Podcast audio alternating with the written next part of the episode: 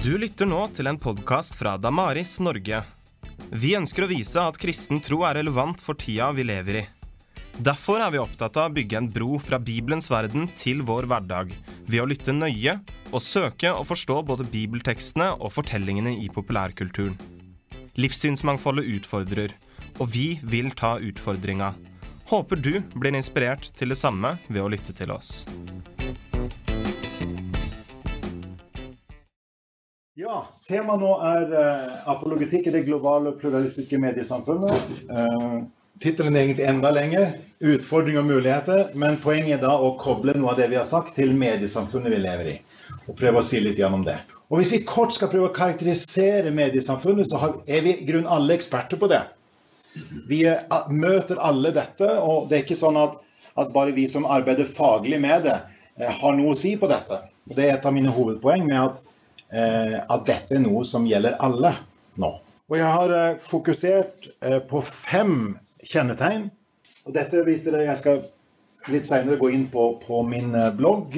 Så vidt bare viser dere det siste blogginnlegget er om disse spørsmålene her. Så det er bare å larsdale.no, og så finner dere mye av dette stoffet her. Helt kort. Hva særpreger dagens mediesamfunn?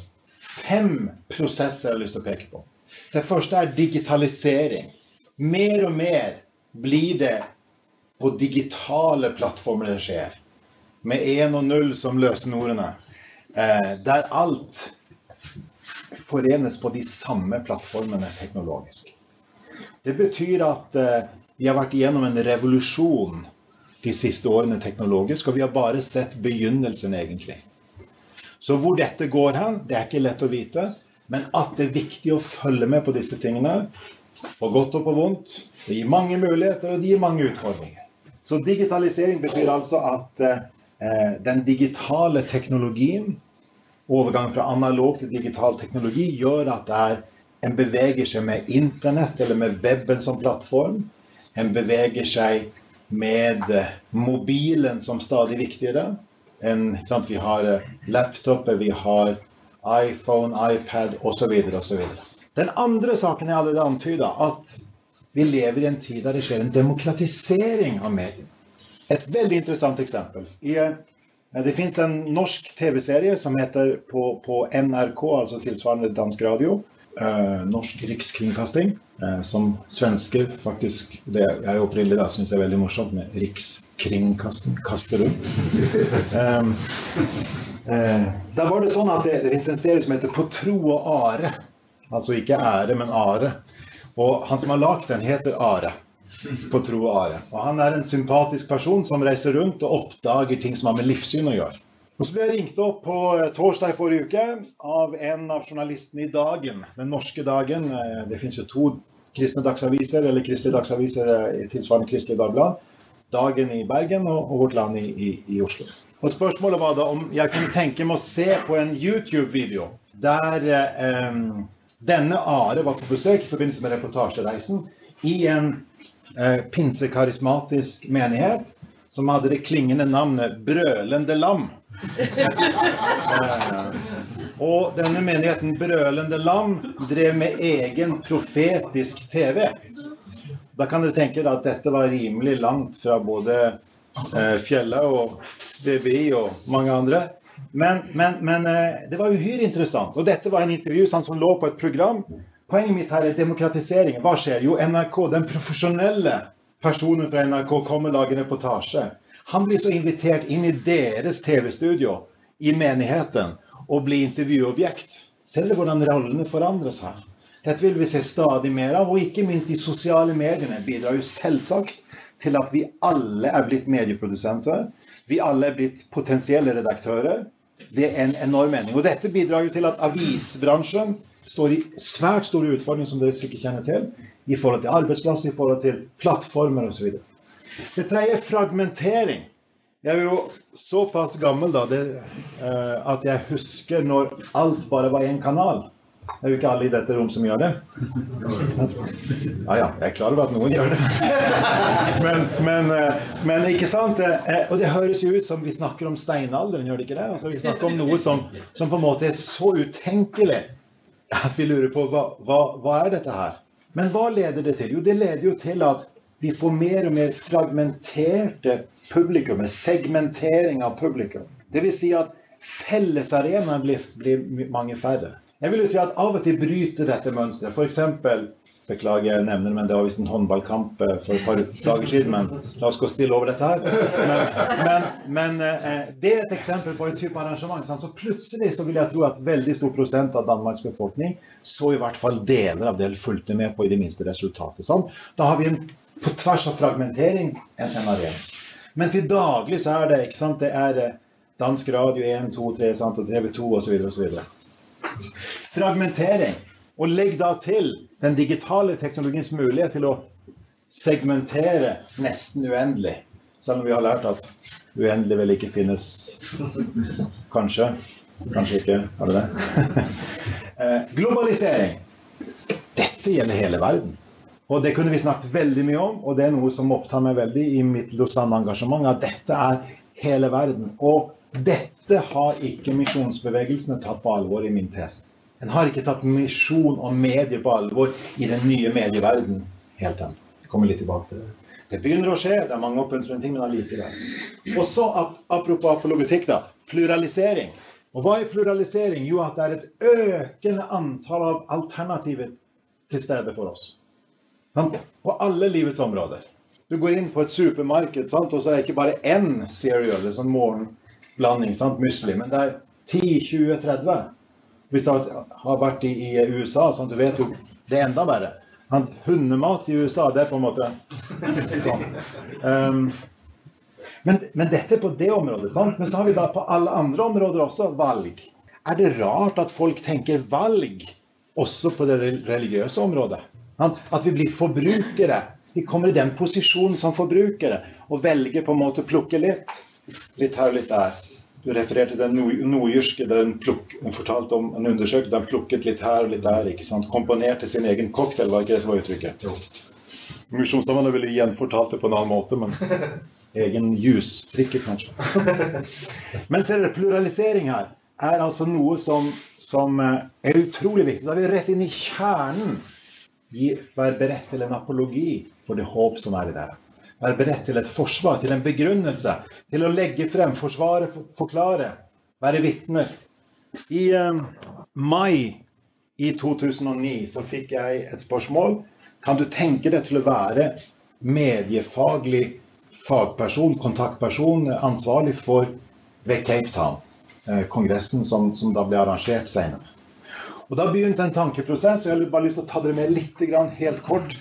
Eh, I august 2009 så, så, eh, husker jeg veldig godt at jeg var veldig i tvil. Medier og misjon det er jo et enormt felt. Og hvordan griper dette an? Jeg husker godt at jeg gikk rundt og klippet plen utenfor huset vårt hjemme. Jeg vet ikke hvordan dere har det når dere klipper plen, men jeg er av og til veldig kreativ da. Uten at jeg vet på forhånd, men det skjer av og til at det kommer noen tanker. Eh, og da kom det disse tre ordene kom for meg. Jeg tror i løpet, jeg husker ikke hvor hen på plenen, men men uh, awareness, presence of ministries. Det er de stikkordene jeg vil dere skal huske fra det vi formidler nå. Jeg skal forklare det. Awareness, presence and ministries. For det slo meg plutselig. Medier og misjon. Da vil vi veldig fort komme og tenke på hvordan skal vi bruke medieteknologien for å formidle om Jesus. Sånn, det vil være på en måte eh, veldig lett å tenke. Det hører med. Og for min del hører det her Media Ministries. Altså hvordan Kirke og misjon bruker medieteknologien aktivt for å formidle kristen tro. Men først av alt er vi mediebrukere. Forbrukere. Vi er medie, vi bruker mediene i, i, i, hverdagen. Derfor så er vi nødt til å tenke bevisstgjøring, awareness. Vi er nødt til å tenke bevisstgjøring og kritikk. Tenke mediekompetanse. Tenke media literacy. Gi kompetanse til å bli mer bevisste mediebrukere. Og dette awareness kalte jeg etter hvert den glemte, medie, glemte misjonsdimensjonen. Det andre som slo meg Eller egentlig kanskje det tredje, da. Det første var dette at vi er nødt til å fange inn det. Og så awareness. Men det at vi trenger kristne som er til stede som lys og salt på de fellesarenaene vi fortsatt har i mediesamfunnet. Vi trenger kristne journalister, kristne dokumentarskapere, kristne eh, som skaper fiksjonsfilmer, som skaper TV-serier, som skaper de beste reklamene sant, som løfter opp gode verdier, osv. osv. Lys og salt i mediesamfunnet. Og dette ligger meg på hjertet fordi på Gimlekollen utdanner vi faktisk mellom 15 og 20% av alle journaliststudenter i Norge. Har gjort de siste 15 år. Det betyr at vi har et ansvar. ikke sant? Vi er respektert etter hvert for eh, at vi da står for et kristent verdigrunnlag og gjør dette ut fra det. Så media presence. Jeg har lyst til å, å vise dere eh, dette. Og det som dukket opp på plenum, som i, 2000, i, i, i august 2009 og som i oktober 2010 fikk lov til å formidle sammen med andre i Cape Town, det kom så inn som en del av Cape Town Commitment. Cape Town Så når dere leser den, så vil dere finne under det første hovedkapitlet i del to om å uh, to make the case for, for, the, for Christ. Uh, uh, altså legge frem sa saken, vitne om Jesus. så står det et punkt om mediene som, som er utgangspunkt i, i denne plenklippingen min. Det startet en prosess som førte til at eh, vi arrangerte, har arrangert i Lausanne-sammenheng to ulike konsultasjoner. Poenget med det er å samle personer fra alle disse tre områdene. Sant? Folk som jobber med ministries, presence og awareness. På tvers av det. I november 2012 så hadde vi en regional konsultasjon på Himmelkollen. Og det førte til en global konsultasjon i november 2013 i Los Angeles-området. La oss si et par ting om Media Ministries. Altså, her mener vi bruken av medier i misjon og kirke. Og Hvis du tenker deg hvor mye teknologi betyr, ikke sant? ikke bare for å ta opp et foredrag som dette, eh, men også for å eh, gjennomføre en gudstjeneste. Hva teknologien etter hvert betyr. Det er ikke lite, det. Eh, ofte så snakker vi om at vi, at vi bruker kaller det lokalradio, nærradio, eller kanskje nær-TV. Etter hvert bruker mange YouTube eller Vimeo eller andre kanaler sant, for å legge ut. Eh, vi kan tenke oss Netflix, vi kan tenke oss så mange ting som skjer akkurat nå. Der eh, dette med podkasting er jo blitt en helt spesiell ny sak. Som gjør at mange av og Her er det flott noen i den yngre garden også yngre generasjon. Og dere vet jo veldig godt at, eh, at eh, mange unge kristne i dag lytter svært mye til internasjonale forkynnere av ulikt slag. Eh, og det har blitt populært, sant? og det er på en måte som en parallell undervisning som foregår i forhold til den lokale kirkelige virkelighet. Jeg tror ikke vi helt har tatt inn over oss at dette er en del av det globale mediesamfunnet også. Og sånn kan vi fortsatt. Men to påstander Enhver kristen organisasjon, institusjon, menighet er nå en medieaktør. Vet du om du har tenkt den tanken før? At det er ikke bare de profesjonelle, det er ikke bare Norea Radio sant? eller Sat7 eller Transfer Radio eller hva det måtte være for noe, som er en medieaktør. Alle blir det. Og hva betyr det? Det kan dere lese litt mer om på det som jeg har lagt ut på bloggen. Men det er i hvert fall veldig viktig å være klar over det. Og for det andre, enhver kristen er nå en medieaktør. Media Ministries nå kunne vi sett på denne, denne Jeg vil virkelig oppfordre dere til. I går hørte vi en veldig god uh, forklaring av Kalam-argumentet fra Kurt Christensen. Husker dere det? Dette med, med alt som begynner å eksistere, har en årsak. Universet begynte å eksistere, altså har universet en årsak. Og Han brukte kanskje 15 minutter på å forklare det. Veldig systematisk og godt. Her er det en femminutters video som på en kreativ måte, også ved animasjon, forteller det. Jeg vil virkelig anbefale dere til å, å se den som en oppfølging av, av dette. Men det er argumentativ er ikke den eneste sjangeren en kan ha. Og jeg har lyst til å vise dere, Nå kommer det spennende øyeblikk snart. Uh, vi, viser dere at, at uh, dette kan også skje med humor. En, av, uh, en god venn til meg heter Grenville Kent. og han, han er i ferd med å lage en serie som heter The Big Questions. 'Asking Big Questions', Grenville Kent. Eh, og han er kreativ. Han, han er eh, gammeltestamentlig teolog og samtidig profesjonell videoprodusent. Interessant kombinasjon. Eh, han er, er prestforkynner. Og også dette var egentlig hans doktor og ministrygrad, som jeg var ekstern examiner på. Eh, veldig glede for det. Eh, han ville gjerne skulle være det fordi jeg hadde en kombinasjonsbakgrunn. Eh, og da lager han en serie. Han har tatt med seg sin sønn Og de han bruker mye humor. Eh, nå kommer det Jeg vet ikke hvor mye dere kjenner med australsk humor, men det kan være rimelig fargerik. Eh, her ser vi bare litt av det, men stemningen ikke sant, er lett og ledig. Mens Kalam-argumentet Når du hører Bill Craig, så er det styrke, kraft. Sant? Det, eh, hvis du ligner argumentasjon med den knytta hånden, sant? eller å legge frem sånn Det er en måte forskjellen. Sant? Du inviterer og Det er plass for begge.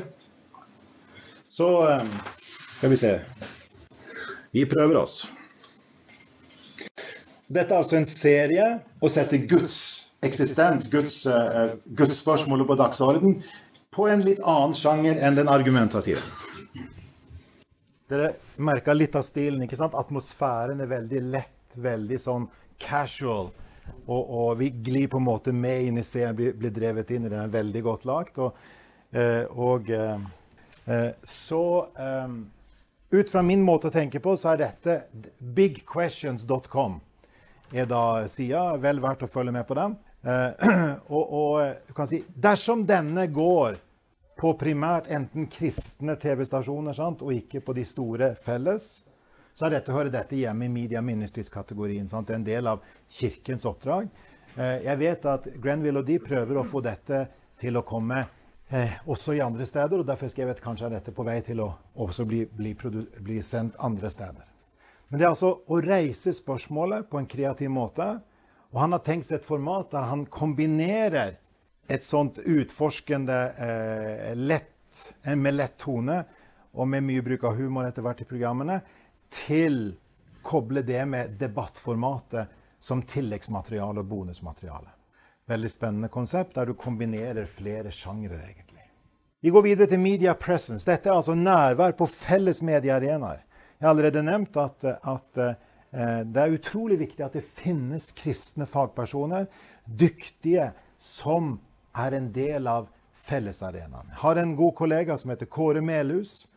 Han var ansatt i, i NRK eh, i 25 år. Deriblant eh, 6-7-8 år på, eh, på, på hovednyhets... Eh, hva heter det, nyhetsdesken, den sentrale nyhetsredaksjonen i Dagsnytt. Og han hadde sånt kontrakt, 24 eh, timers ryggsekkontrakt, kalte det. det. vil Si at han innen 24 timer skulle være, kunne reise hvor som helst i verden på reportasje. Og det er jo, vi pleier å spøke med at det er farlig å reise med han, fordi det skjer ofte ting rundt han. Og når han var på en konferanse f.eks. i Aten, så var det streiker. Dette var tre-fire år siden. Eh, og så hadde han møtt ambassadøren, den norske ambassadøren, som, som sa til NRK da Vet dere at Kåre Melhus er her? Nei. Bruk han, da, som hadde ambassadøren sagt. Og Resultatet var at han forlot konferansen og var sånn i alle nyhetssendinger. Det sto pent og pyntelig Gimlekollen litt grann der nede. Det likte vi jo.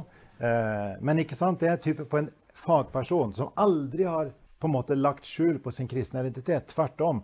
Alle vil være klar over at han er kristen. Høyt respektert. Et nærliggende eksempel. Men vi trenger altså personer som er med og skaper eh, Skaper eh, eh, Setter på agendaen.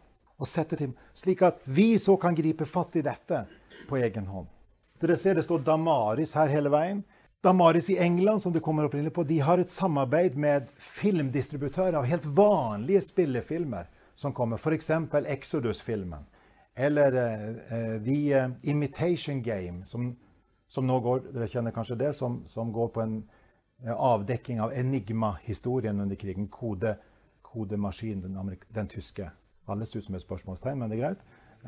men i hvert fall så, så det de gjør, at de, de får penger fra filmselskapene til å produsere refleksjonsressurser.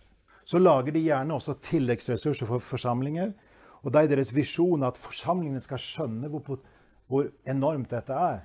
At det, her sitter kanskje noen og samtaler om en film sant, i en filmklubb. Og så kan Kirken bygge bro og invitere på den måten der. Da er vi tilbake til eh, KFS. Hvor var det? Uh, jeg nevnte i går Uncover, og, nevnte, og, og Becky Pippert sin tese er at det skal gjerne være et på tre nivåer. Jeg nevnte det ved middagen i går. Offentlig arrangement som setter på agendaen. og Det kan jo like godt være et medie, medieinitiert sak.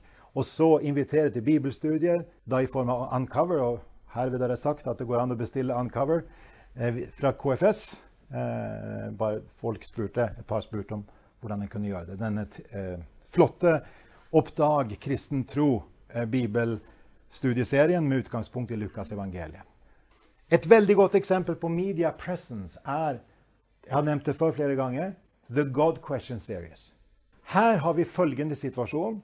Richard Dawkins, den kjente nye ateisten, lagde, lagde tre serier ulike for BBC. Jeg vet om dere har sett noen av de har gått på dansk eh, radio-TV, tror jeg. Og de er jo i realiteten propagandaprogram for hans ståsted.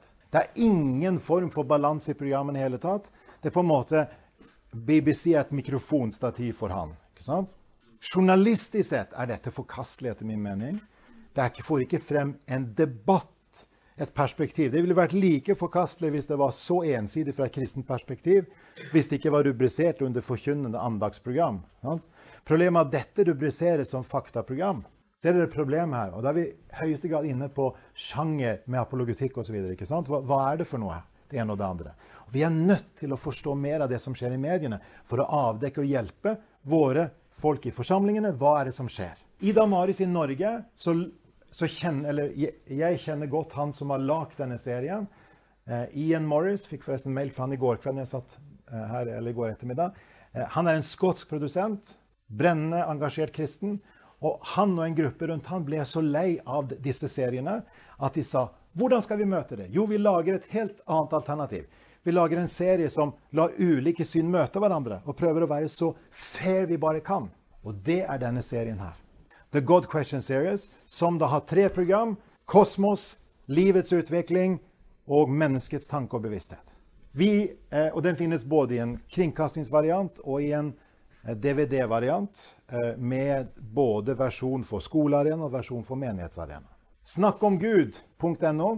Jeg bare henviser den. Vi har ikke tid til å se den nå. Men hvis dere går inn der, så vil dere se en introduksjon til hele serien, til programmene.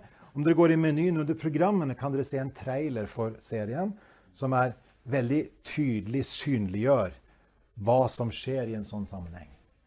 Der, der eh, Poenget hva sier normalvitenskapen om disse spørsmålene? den etablerte vitenskap? Hvordan fortolkes det av ulike livssyn? Og så, vær så god, seer, the judgment is on your side. Den klassiske journalistiske tenkningen. En skal presentere en sak ryddig, og så skal en overlate til publikum til å ta avgjørelsen. Veldig, veldig godt lagt. Eh, den er så balansert at en god del nye ateister syns dette er forferdelig. Fordi de er ikke vant til sant? denne balansepunktet her. De er vant til å råde grunnen alene. En del kristne blir frustrert fordi det, hvorfor er det ikke mer om kristen tro? osv. og, så og da sier Ian som har lagd programmet, I'm pretty satisfied. Når begge er misfornøyde. Eh, for vi begge ønsket mer. Men det vil si at i første programmet så har en ateistisk historie. I andre programmet så har en agnostiker, tror jeg det er. Og i tredje programmet en kristens historie. Veldig interessant. La oss da avrunde med. Jeg tenkte vi, vi kjører helt ut. Kan jeg heller ta spørsmål i neste runde, neste time. Media awareness, mediebevisstgjøring. Og det er som jeg har sagt før, en glemt misjonsdimensjon. Jeg vet ikke, er, er, vi klar over hva som skjer i dag? Mediemangfold det skyller over oss. ikke sant? Det er akkurat som å stå i en, i en foss, som vi har mange av i Norge, sant? og, og skylles over oss. Det skyller over oss. Hva er det som skjer verden over? I globalisert mediekultur? Jo, medieteknologien kommer til folk via bredbånd.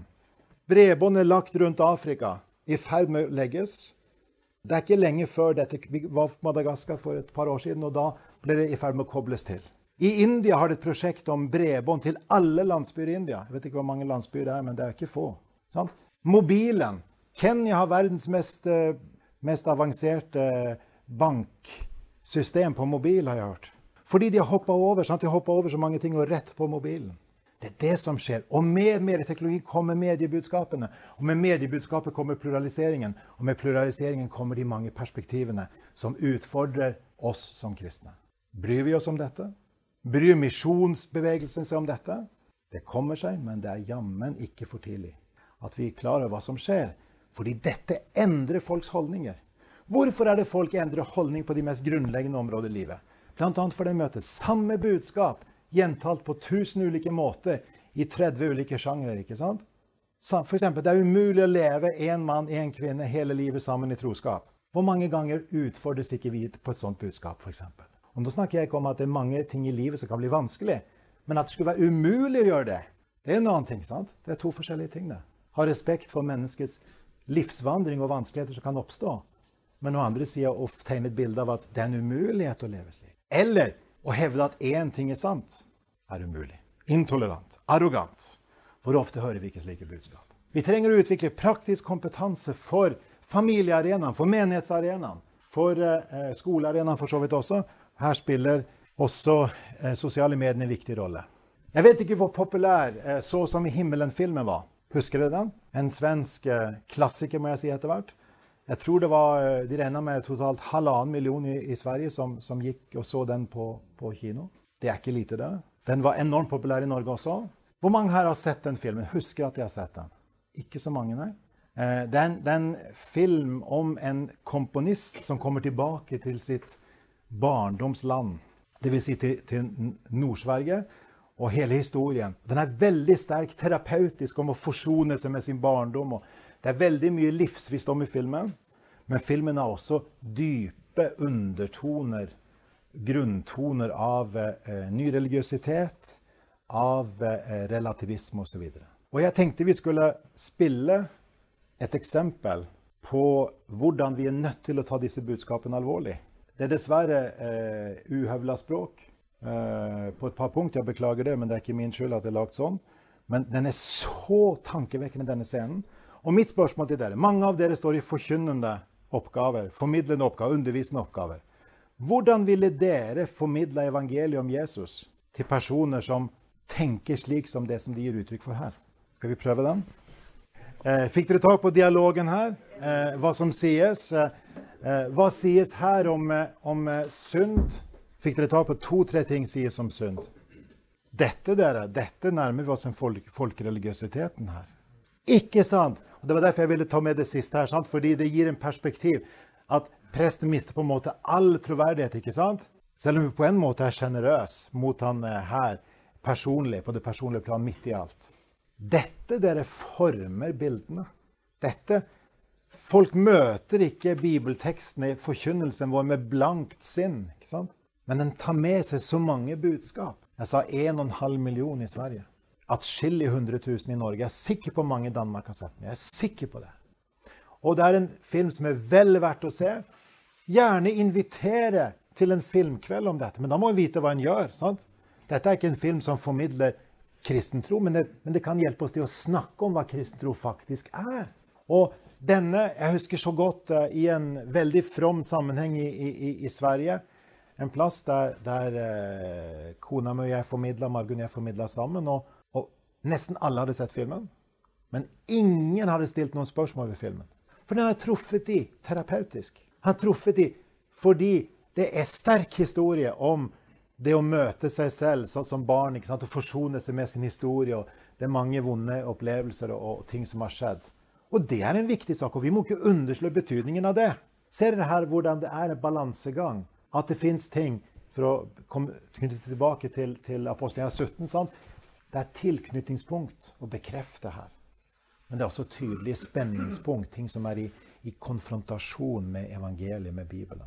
Så mitt eh, poeng her var at eh, vi er nødt til å se ting med Når vi formidler, er vi nødt til å ta med oss på en måte den bevissthet at det vi formidler fra Bibelen, har mange hørt, sett budskap som er totalt på kollisjonskurs, konflikt med, eller som er halvveis riktig, halvveis galt.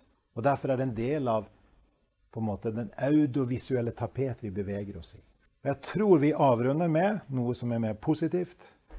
Eh, helt til slutt et eksempel på ett og et halvt minutt, så har vi pause etter det.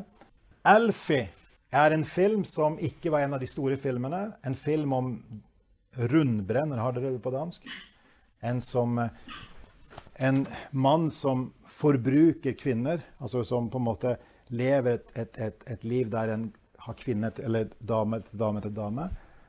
Og brenne av. ikke sant? Brenne rundt, rundbrenne.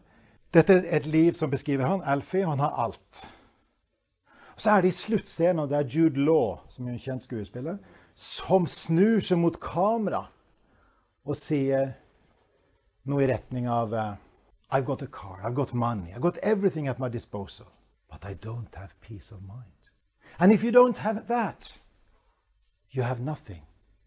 Ser han inn i kameraet og sier, Do you know what I mean? What's the answer? That's what I keep asking myself. What's the answer? Det er en gavepakke i formidling ikke sant? som er totalt forskjellig. Fordi den forrige var lukka inne. Sant? Det var et, et lukket budskap på mange måter. Her åpnes verden opp. I don't have peace of mind. And if you don't have that, you have nothing. Og what's the answer? That's what I keep asking myself. Og denne lengselen dere, den ligger så mye rundt om i, i mediesamfunnet, i mediebudskapen. Og vi må ha, be om at Gud gir oss eh, sensitivitet til å oppdage det. Og samtidig ikke være naive, for det er så mye nedbrytende som også møtes. Og i det skjæringspunktet der må vi leve. Der har alltid misjonen levd hele tida. Takk for at du lyttet til denne podkasten fra Damaris Norge. Du finner flere ressurser fra Damaris på snakkomtro.no, kulturvindu.no og konfirmantonline.no.